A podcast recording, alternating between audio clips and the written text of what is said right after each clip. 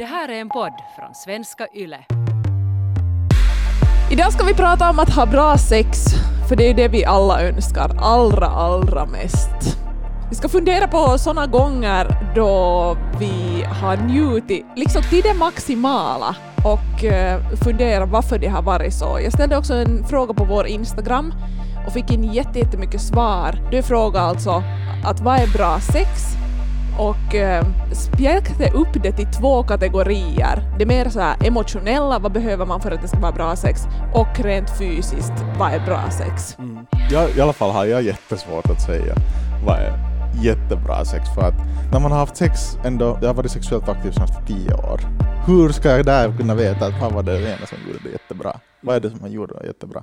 Det är kanske det vi söker, inte att nu berätta om den ultimata gången då allt var fantastiskt och blev perfekt, för jag tror inte heller att det finns en sån gång, men att det finns nu säkert många gånger som har varit jävligt bra.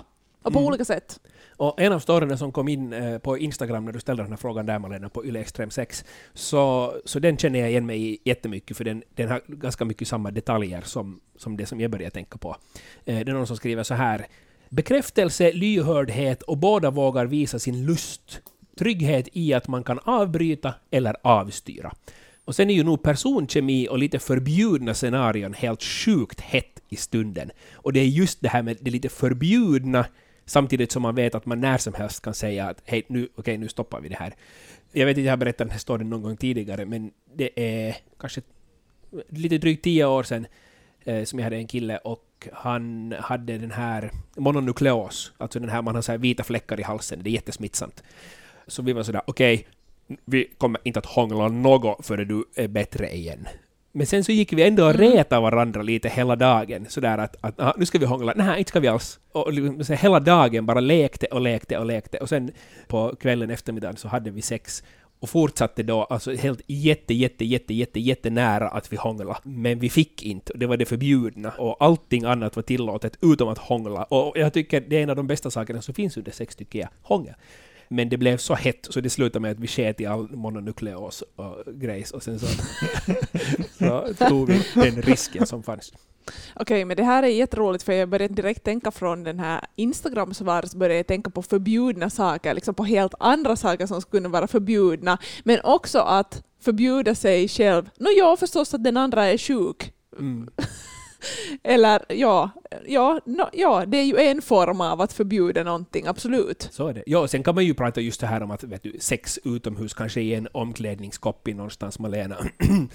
Eh, Ja. Den storyn har vi hört också. Nej men, eh, men och sån den, så att nu har man ju varit med om såna grejer också kanske i, i bilen eller något så här, men de var inte bra på något vis. Men det här blev så bra för att det var någonting som vi hade förbjudit oss själva från att göra, och men ändå reta varandra hela dagen om att det här kommer ändå kanske att hända. Men det här inte hände det sen heller. Mm. Så här rent fysiskt om du funderar på det där sexet ni hade, jag vet inte hur länge sedan det är, men kommer du ihåg det här sexet som ni hade? Var det bara halsflussen som gjorde att, att det liksom var fantastiskt, eller fanns det liksom något fysiskt också som var så extra bra, eller var det på riktigt halsflussen som var kryddan? Nej, men det blev ju bra därför för att vi blev så jävla kåta Ja. av det där lekande och det där retandet. Det, så det var ju det som gjorde att allting annat blev så jättebra. Allt annat fysiskt som vi gjorde blev jätte, jättebra för att allting bara funka när vi gjorde det på det där viset. Mm. Skulle man kunna göra det här som, liksom, skulle man kunna styra upp en sån här sexgång på något sätt? Liksom hjälper det med att man bestämmer att vi får inte kyssa varandra? Jag tror att det kan gå, och men det kan också gå fel, för jag försökte, lite med det här i åtanke, försökte jag på en lika, Ja. liknande grej långt senare. Eller då var det en typ som jag träffade och eh, vi var på väg till ett så här stort möbelvaruhus där man också kan köpa mat. Ja. Och han sa att oh, men jag ska sen köpa från det där stående bordet. Där finns så bra grejer. Och jag var sådär, nej men de har nog inget stående bord. Så där finns ingen buffé. Och han var sådär, nej det finns ju en buffé. De har världens bästa buffé där. Jag är sådär, nej det har de Aha. nog inte. Tro mig, jag är där ganska ofta. Och så slutade det med att vi slog vad. Jag tänkte att okej, nu gör vi det här till en sån lite förbjuden grej igen. Så sa jag att, att okej, vi gör så här. Du säger att det finns ett buffébord, jag säger att det inte finns. Om jag har rätt så har vi aldrig någonsin sex mera. Sa jag lite sådär på skämt. Och han var sådär, okej, det gör vi. Vi bestämmer att så är det. Och så lekte vi he- hela tiden det och så var han sådär att ja, men tänk att vi aldrig någonsin kommer att ha sex mer. Det var jättespännande. Så gjorde vi till en sån här lek. No, obviously så hade de ju inte det buffébordet, så i princip så vann jag och då var jag så ah, nu kommer vi aldrig mer ha sex. Men det dumma är att vi har inte haft sex efter det. Att de har inte haft... verkar det som att jag bara har bestämt att för att du hade fel om att de inte har ett buffébord så, så ska vi inte se. Så, nu, så det blev aldrig den där heta stunden sen när vi ändå gjorde det där som vi hade sagt att vi inte ska göra. Okej. Så ledsamt, Men ja. tycker jag. Jag tänker att man kanske kan göra det här, men att man behöver inte ta det liksom till sin spets med att säga att man aldrig ska ha sex. Och, och kanske inte behöver ha sex och hångla med någon som kanske gör att man blir sjuk. Men jag tänker att man kan göra så här lite mellanstadie av det här. Till exempel gånger som jag har haft mens och så bestämmer jag att jag tänker inte ta ut menskoppen alls. Och då blir det ju liksom, bara av att säga eller bestämma det, så blir det ju oftast nog i alla fall en filis av att no, men för fan att snart rivs den där menskoppen ut och så har vi allt blod överallt för att vi, jumalauta, nu ska det i alla fall penetreras för att det är sagt. Så att jag tror nog att man behöver inte ta till så drastiska metoder som du Dan för att liksom använda sig av den här grejen, att få lite spänning. Och här är en annan Insta-story som har kommit in som lite också påminner om det här. Det är någon som skriver att man på riktigt vill ha sex och inte bara är lite våt eller hård utan man på riktigt är upphetsad. Och det är det som det kanske leder till de här grejerna, att man lite förbjuder sig att göra vissa saker. Det är att jag tar inte ut menskoppen, vi kommer inte att ha penetrativt sex. Och, och sen så, så inser man via det att man säger att man inte vill göra det, nu, nu låter det här, det är jätte så här triggervarning och våldtäktsvarning och så vidare. Det här är helt skilda saker från det att någon säger att jag vill inte, Eh, än det att man av andra orsaker bestämmer sig tillsammans för att det här inte kommer att hända. Så jag vill bara poängtera det. Men det är att man, man märker genom att först säga att man inte vill göra någonting, så märker man att nej fan, visst vitsig vilja. Och så gör man det, och då blir det, då blir det den här riktiga upphetsningen där man känner att det finns ingenting annat i världen eh, som jag hellre vill ha nu än just dig på just det här sättet. Och där är en sak som jag kommer ganska bra ihåg. Och då hade jag en sån här, en tjej som jag låg med ganska regelbundet. Och sen så stod hon en sån här, vi höll nu på där, uh, och sen så var hon sådär, nej men nu får vi inte röra varandra i tre minuter. Och sen så skulle vi på något sätt hålla oss ifrån varandra i tre minuter och sådär, hon satt där och räknade sekunderna. Och det var jättesvårt. Mm. Och det byggde upp den där spänningen på ett helt sådär jättehäftigt sätt. Att man var sådär, Vittu, nu, nu har vi bestämt det här. Mm. Och att vi inte får röra varandra så blir man ännu såhär, Vittu, nu måste vi få röra det. Och där kommer ju in också en annan, ett annat meddelande som har kommit via Instagram, lekfull mindset hos båda. Att man just kan hitta på de här alltså lite lekfulla reglerna just med, okej, tre minuter, vi rör inte varandra, eller någonting, och man bara, man, man behandlar det inte som att det här är nu väldigt dödsallvarligt, det här vi håller på med, utan man hittar på grejs och så skrattar man tillsammans. Det har kommit in ett svar på Instagram som lyder så här. Att det händer spontant och inte planerat, då är det som bäst och mest äkta också. Känner mig trygg och bekväm, kunna slappna av i den andras närhet. I alla fall känner jag igen mig i den här kunna slappna av i den där andras närhet. Att man är den mest sig själva i situationen.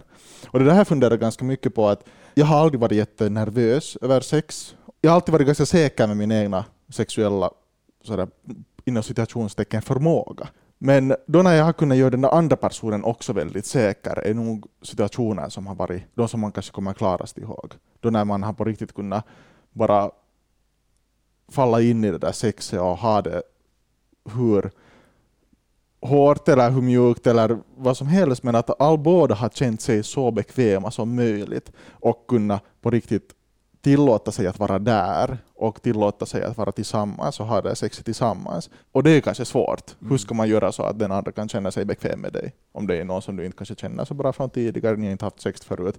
Men där man är väldigt sådär, man är samtidigt som man är snäll och man ska vara fråga och man ska vara aktsam så ska man också vara väldigt, eller tror jag att det lönar sig att vara väldigt öppen. Men Mm. hej nu, du ska, det här skulle vara skönt. Jag vill ha dig, du, du ser vacker ut, du beter dig på ett visst sätt. Jag vet inte, men du har i alla fall öppnat mig. Det var någon som skrev på Instagram om att, liksom, att våga ta för sig, att det är vägen också till bra sex. Och jag tycker det har jättemycket med det att göra som du Mattias nu pratar om, att känna sig trygg. Så då vågar man ju kanske också be om sånt som man, som man själv njuter av och att våga ge sig själv njutning med den andra är nu kanske, är det är det, det du så här pratar om när du säger så här? Alltså, jag tror att det är viktigast att man försöker fokusera på den andra, så att när man kan fokusera på den andra så kan man ge åt sig själv också njutning. Mm. Absolut. Och det är någonting då kan båda känna sig också väldigt ihågkomna kanske i sex. Jag var väldigt sådär gemensamt fokuserade på det där ena. Det är inte bara att jag just är på och sen när jag har kommit så är, sen är vi färdiga. Mm. Och sen får jag himma. Och den där tryggheten eh, funkar ju båda vägarna för att det som jag upplever att är viktigt är att jag känner att den andra människan definitivt kommer att säga till om man gör någonting fel eller dåligt eller far åt fel håll eller någonting sånt. Och då kan man ju också vara mera hängiven i det där sexet och faktiskt bjuda på sig själv och faktiskt, nu lite som du sa Malena, ta för sig. För att jag är så säker på att den där andra människan säger till om det inte känns bra. För det är ju inte kanske det bästa sexet om man hela tiden känner att man måste fråga att, att är det här okej? Och, för, och, och förstås, ska man försäkra sig om att den andra människan tycker att allting är okej, men om man har en sån här filis av att den här människan inte riktigt ger någon respons så att man hela tiden måste vara sådär att, att, att vill du det här? Och är det här okej med dig? Och kan vi göra så här? Och kan vi göra det här? Och kan vi göra det här? Att man känner att man inte riktigt kanske får den där responsen. Den säger nog att jo, jo, det här är helt fine, det här är helt fine, men man är på olika nivåer liksom, eller på olika eh, våglängder. Så då känner man kanske inte den tryggheten i att den där andra människan nog säger vad den vill och inte vill. Mm. Fast det här är ju nog också en jättesvår sak, för jag tänker att liksom i olika former av sex, speciellt om man liksom intar typ olika roller under sexet, så måste det ju finnas på något vis en, en öppen kommunikation om det innan, så att man kan känna sig trygg, så att man kan göra saker. Att det är lite, jag tycker, ja, absolut det där att det bästa är kanske då när du känner dig trygg och kanske också känner den där andra människan så pass väl, men det kanske kräver att man har haft sex en stund så att man liksom mera kan så man mera bara kan göra och in, inte liksom måste söka sig fram hela tiden. Mm. Alltså sådär, jag har haft underbart sex med personer som jag har haft kanske sex bara en gång eller första gången med och det har varit helt sådär, vitsi det här är häftigt. Och vitsi vi matchar bra och det här funkar så in i helvetes bra. Och sen kan det vara andra som man har sådär, yes men nu har jag hittat den här tryggheten, nu vet hon vad jag vill ha. Och det är så olika att har du haft sex med någon ett halvt år så kanske det är ett år. Så de kan vara olika och de kan vara bra på olika sätt. Men då när man har första gången då finns det ju den här spontaniteten och den där att så det här är en ny människa, det här är en ny kropp och det här, allting är nytt. Och det kan vara jättehäftigt. Mm. Jag funderar någon gång på det där just med nya människor, så nu är det ju nu beror det ju jättemycket på personkemi och det känns som att det är lite tur att vem du möter och, och hur det liksom funkar er emellan. Kan man försäkra sig om sådär på förhand på något vis att, att det ska bli bra och hur skulle man i så fall kunna göra det? Jag tror det är viktigt att man pratar på förhand om vad man tycker om och vad man inte tycker om, um, vad man går igång på. Men att man har en öppen kommunikation före sex om sex, så då kan man också känna att vi kommer att ha en öppen diskussion även under sexet. Jag kommer ihåg när jag får hem med en tjej och hon hade utsatts för sexuellt trauma tidigare. Och hon sa det väl, och det uppskattar jag väldigt mycket att hon sa den saken till mig. För att då visste jag. Och då visste jag också att sen när hon var sådär, nej men jag vill inte ha någonting. Och då Mm. hade vi inte någon sex, men då kunde jag, då kunde jag veta om den saken. Och det herregud, det behöver inte vara till ett sexuellt trauma för att man skulle kunna säga att det här tycker jag inte om. Men det var åt mig i alla fall sådär att jag inte för det finns ändå en, en viss, en viss uh, tanke att när man far hem till någon att, att det kanske kommer att hända någonting. Och då kan det vara bra också att veta men det här tycker jag inte om eller det här tycker jag om och, och de här alla sakerna. Att man där har den här kommunikationen väldigt öppen. Och att man nämner de sakerna som man verkligen inte vill att ska, ska göras om det är någonting som du tycker att nej, det här ska inte vara med i mitt sexliv. Så då ska man kunna säga det. Vilken modig eh, så här, jag tänkte säga sexpartner, men ni hade ju alltså inte sex, men vilken modig person bara som, som öppnar upp och säger, liksom visar sig så sårbar från första Mm. början att berätta att hej, det här har hänt mig.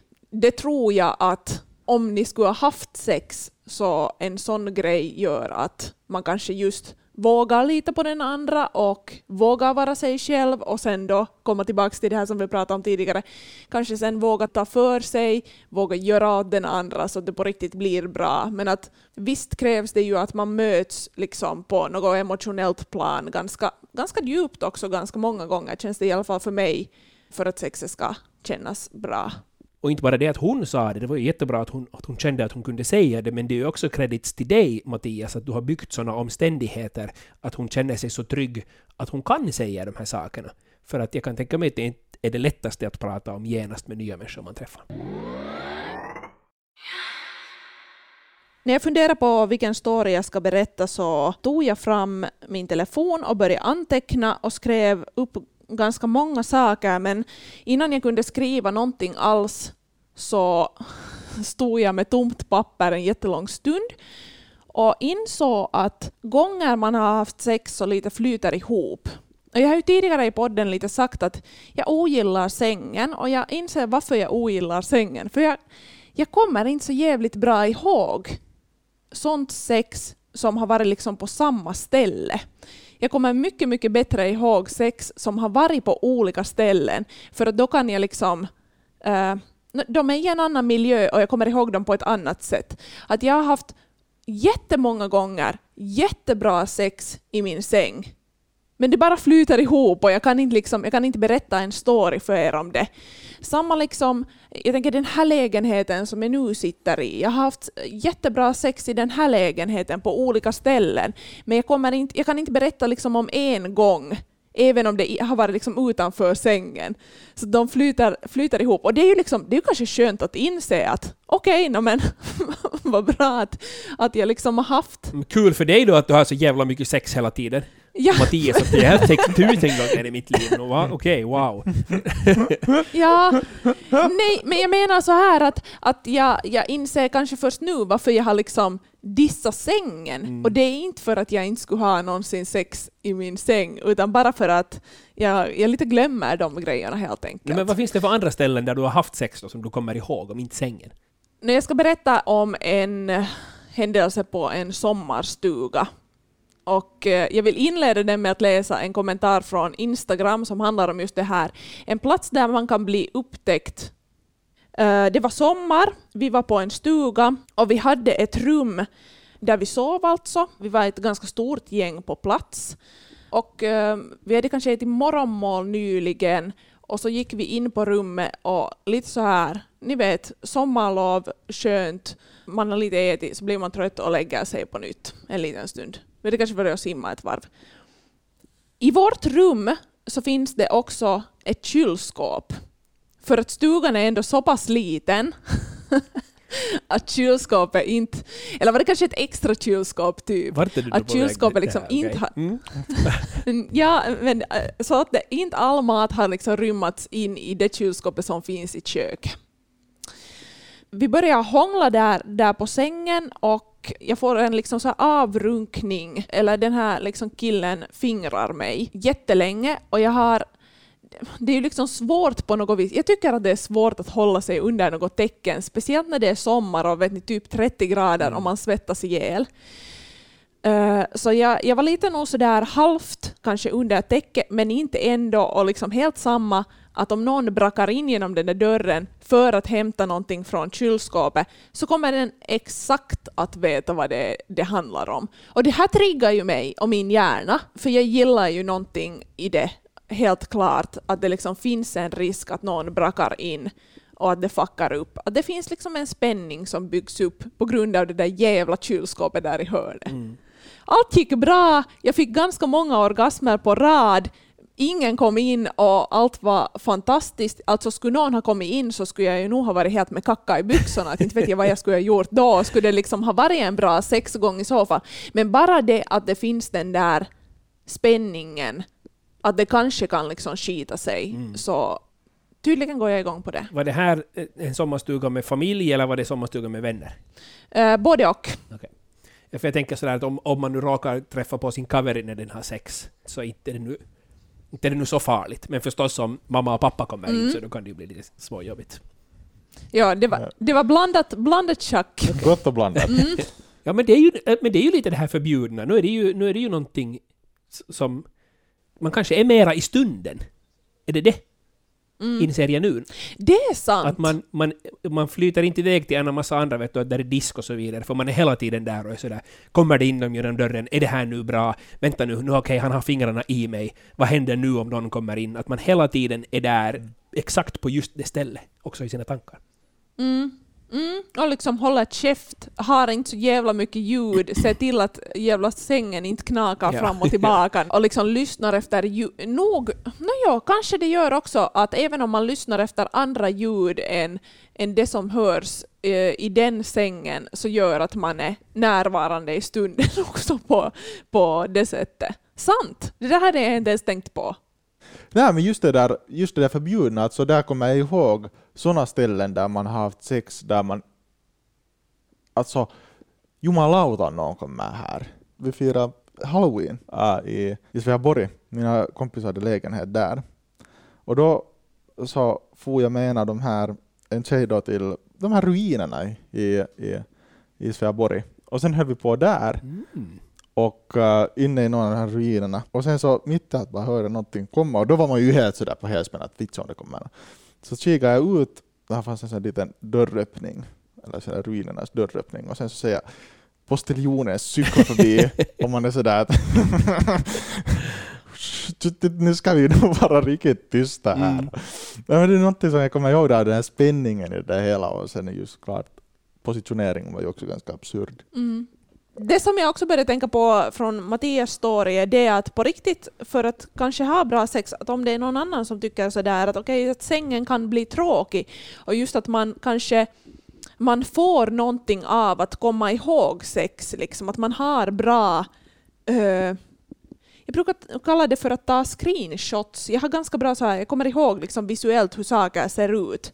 Att ta screenshots lite från ruinerna då, att man liksom kan få någonting av det till sig själv. Så att kanske lite i så fall, om man är en sån person, så söka sig till ställen som är annat än ens hem eller no, förstås om man, om man har sex med mycket olika människor så kan det ju vara helt bra att i så fall så där fråga att hej, men får jag komma till dig? Så då minns man bättre kanske den där miljön och via den där miljön eller miljöombyte så minns man stunden. En grej som vi inte pratar jättemycket om här, men som har kommit in i ganska många av de här storyna, är att man ska kunna skratta.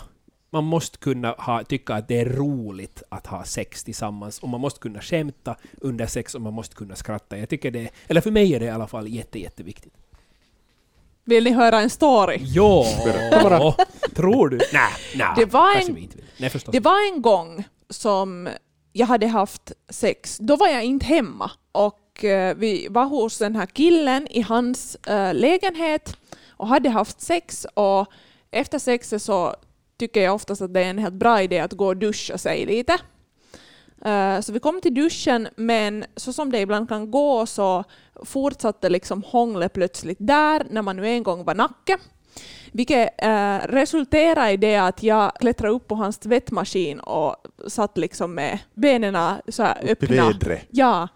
Han penetrerar in och så här ser mig djupt i ögonen. Och nu en liten sån disclaimer. Vi brukar prata alltså finska tillsammans för att jag, jag knullar ju bara finskt, finskspråkiga av någon jävla orsak.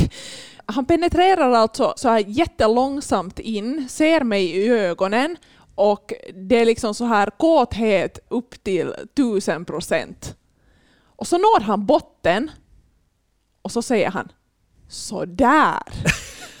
Och jag, jag skra, börjar skratta så jävla hårt och jag bara, att vad gör du? Frågar jag. Och så skrattar jag och skrattar och han skrattar och skrattar tills jag skrattar liksom så att mina bäckenbottenmuskler bara så här skjuter ut hans kickeli. Och så liksom, så var det, det var liksom det. Och så duschar vi och skrattar och skrattar och duschar. Så det var, alltså det var ju också en jättebra sexgång, liksom, även om det inte var så här att åh herregud, jag njöt till det fullaste och fick orgasm många, många gånger. Men att det var en jättebra sexgång på grund av att det var så jävla roligt och avslappnat. Så jag tycker också det är jätte, jätteviktigt. Och också att man ska få skratta när det händer roliga saker. För nu händer det ju för fan roliga saker hela tiden. Herregud, man får mocka. Man får mocka så in i helvete. Ja, inte har jag så mycket annat att säga än sådär. Sådär. Sådär! Följ oss på Instagram, på yleextrem6. Där fortsätter diskussionen tillsammans med mig, Malena. På Instagram kan du också ställa frågor eller komma med förslag på teman som vi senare skulle kunna snacka om i podden.